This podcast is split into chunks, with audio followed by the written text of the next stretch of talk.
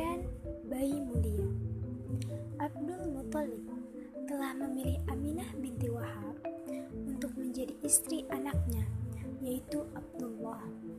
Aminah dianggap wanita yang paling mulia dari sudut keturunan dan kedudukan, lantaran sang ayah yang merupakan ketua Bani Zuhro. Abdullah diutus oleh ayahnya mengambil bekalan dagang dia Namun sayang, Abdullah meninggal pada usia 25 tahun di Yasrib dan dikebumikan di Dar al-Nabigoh al-Jadi.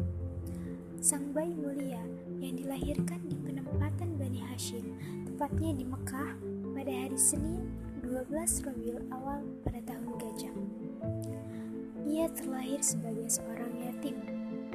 Ketika Abdul Muthalib mengetahui kelahiran cucunya, ia terus ke Ka'bah, dan selalu bersyukur.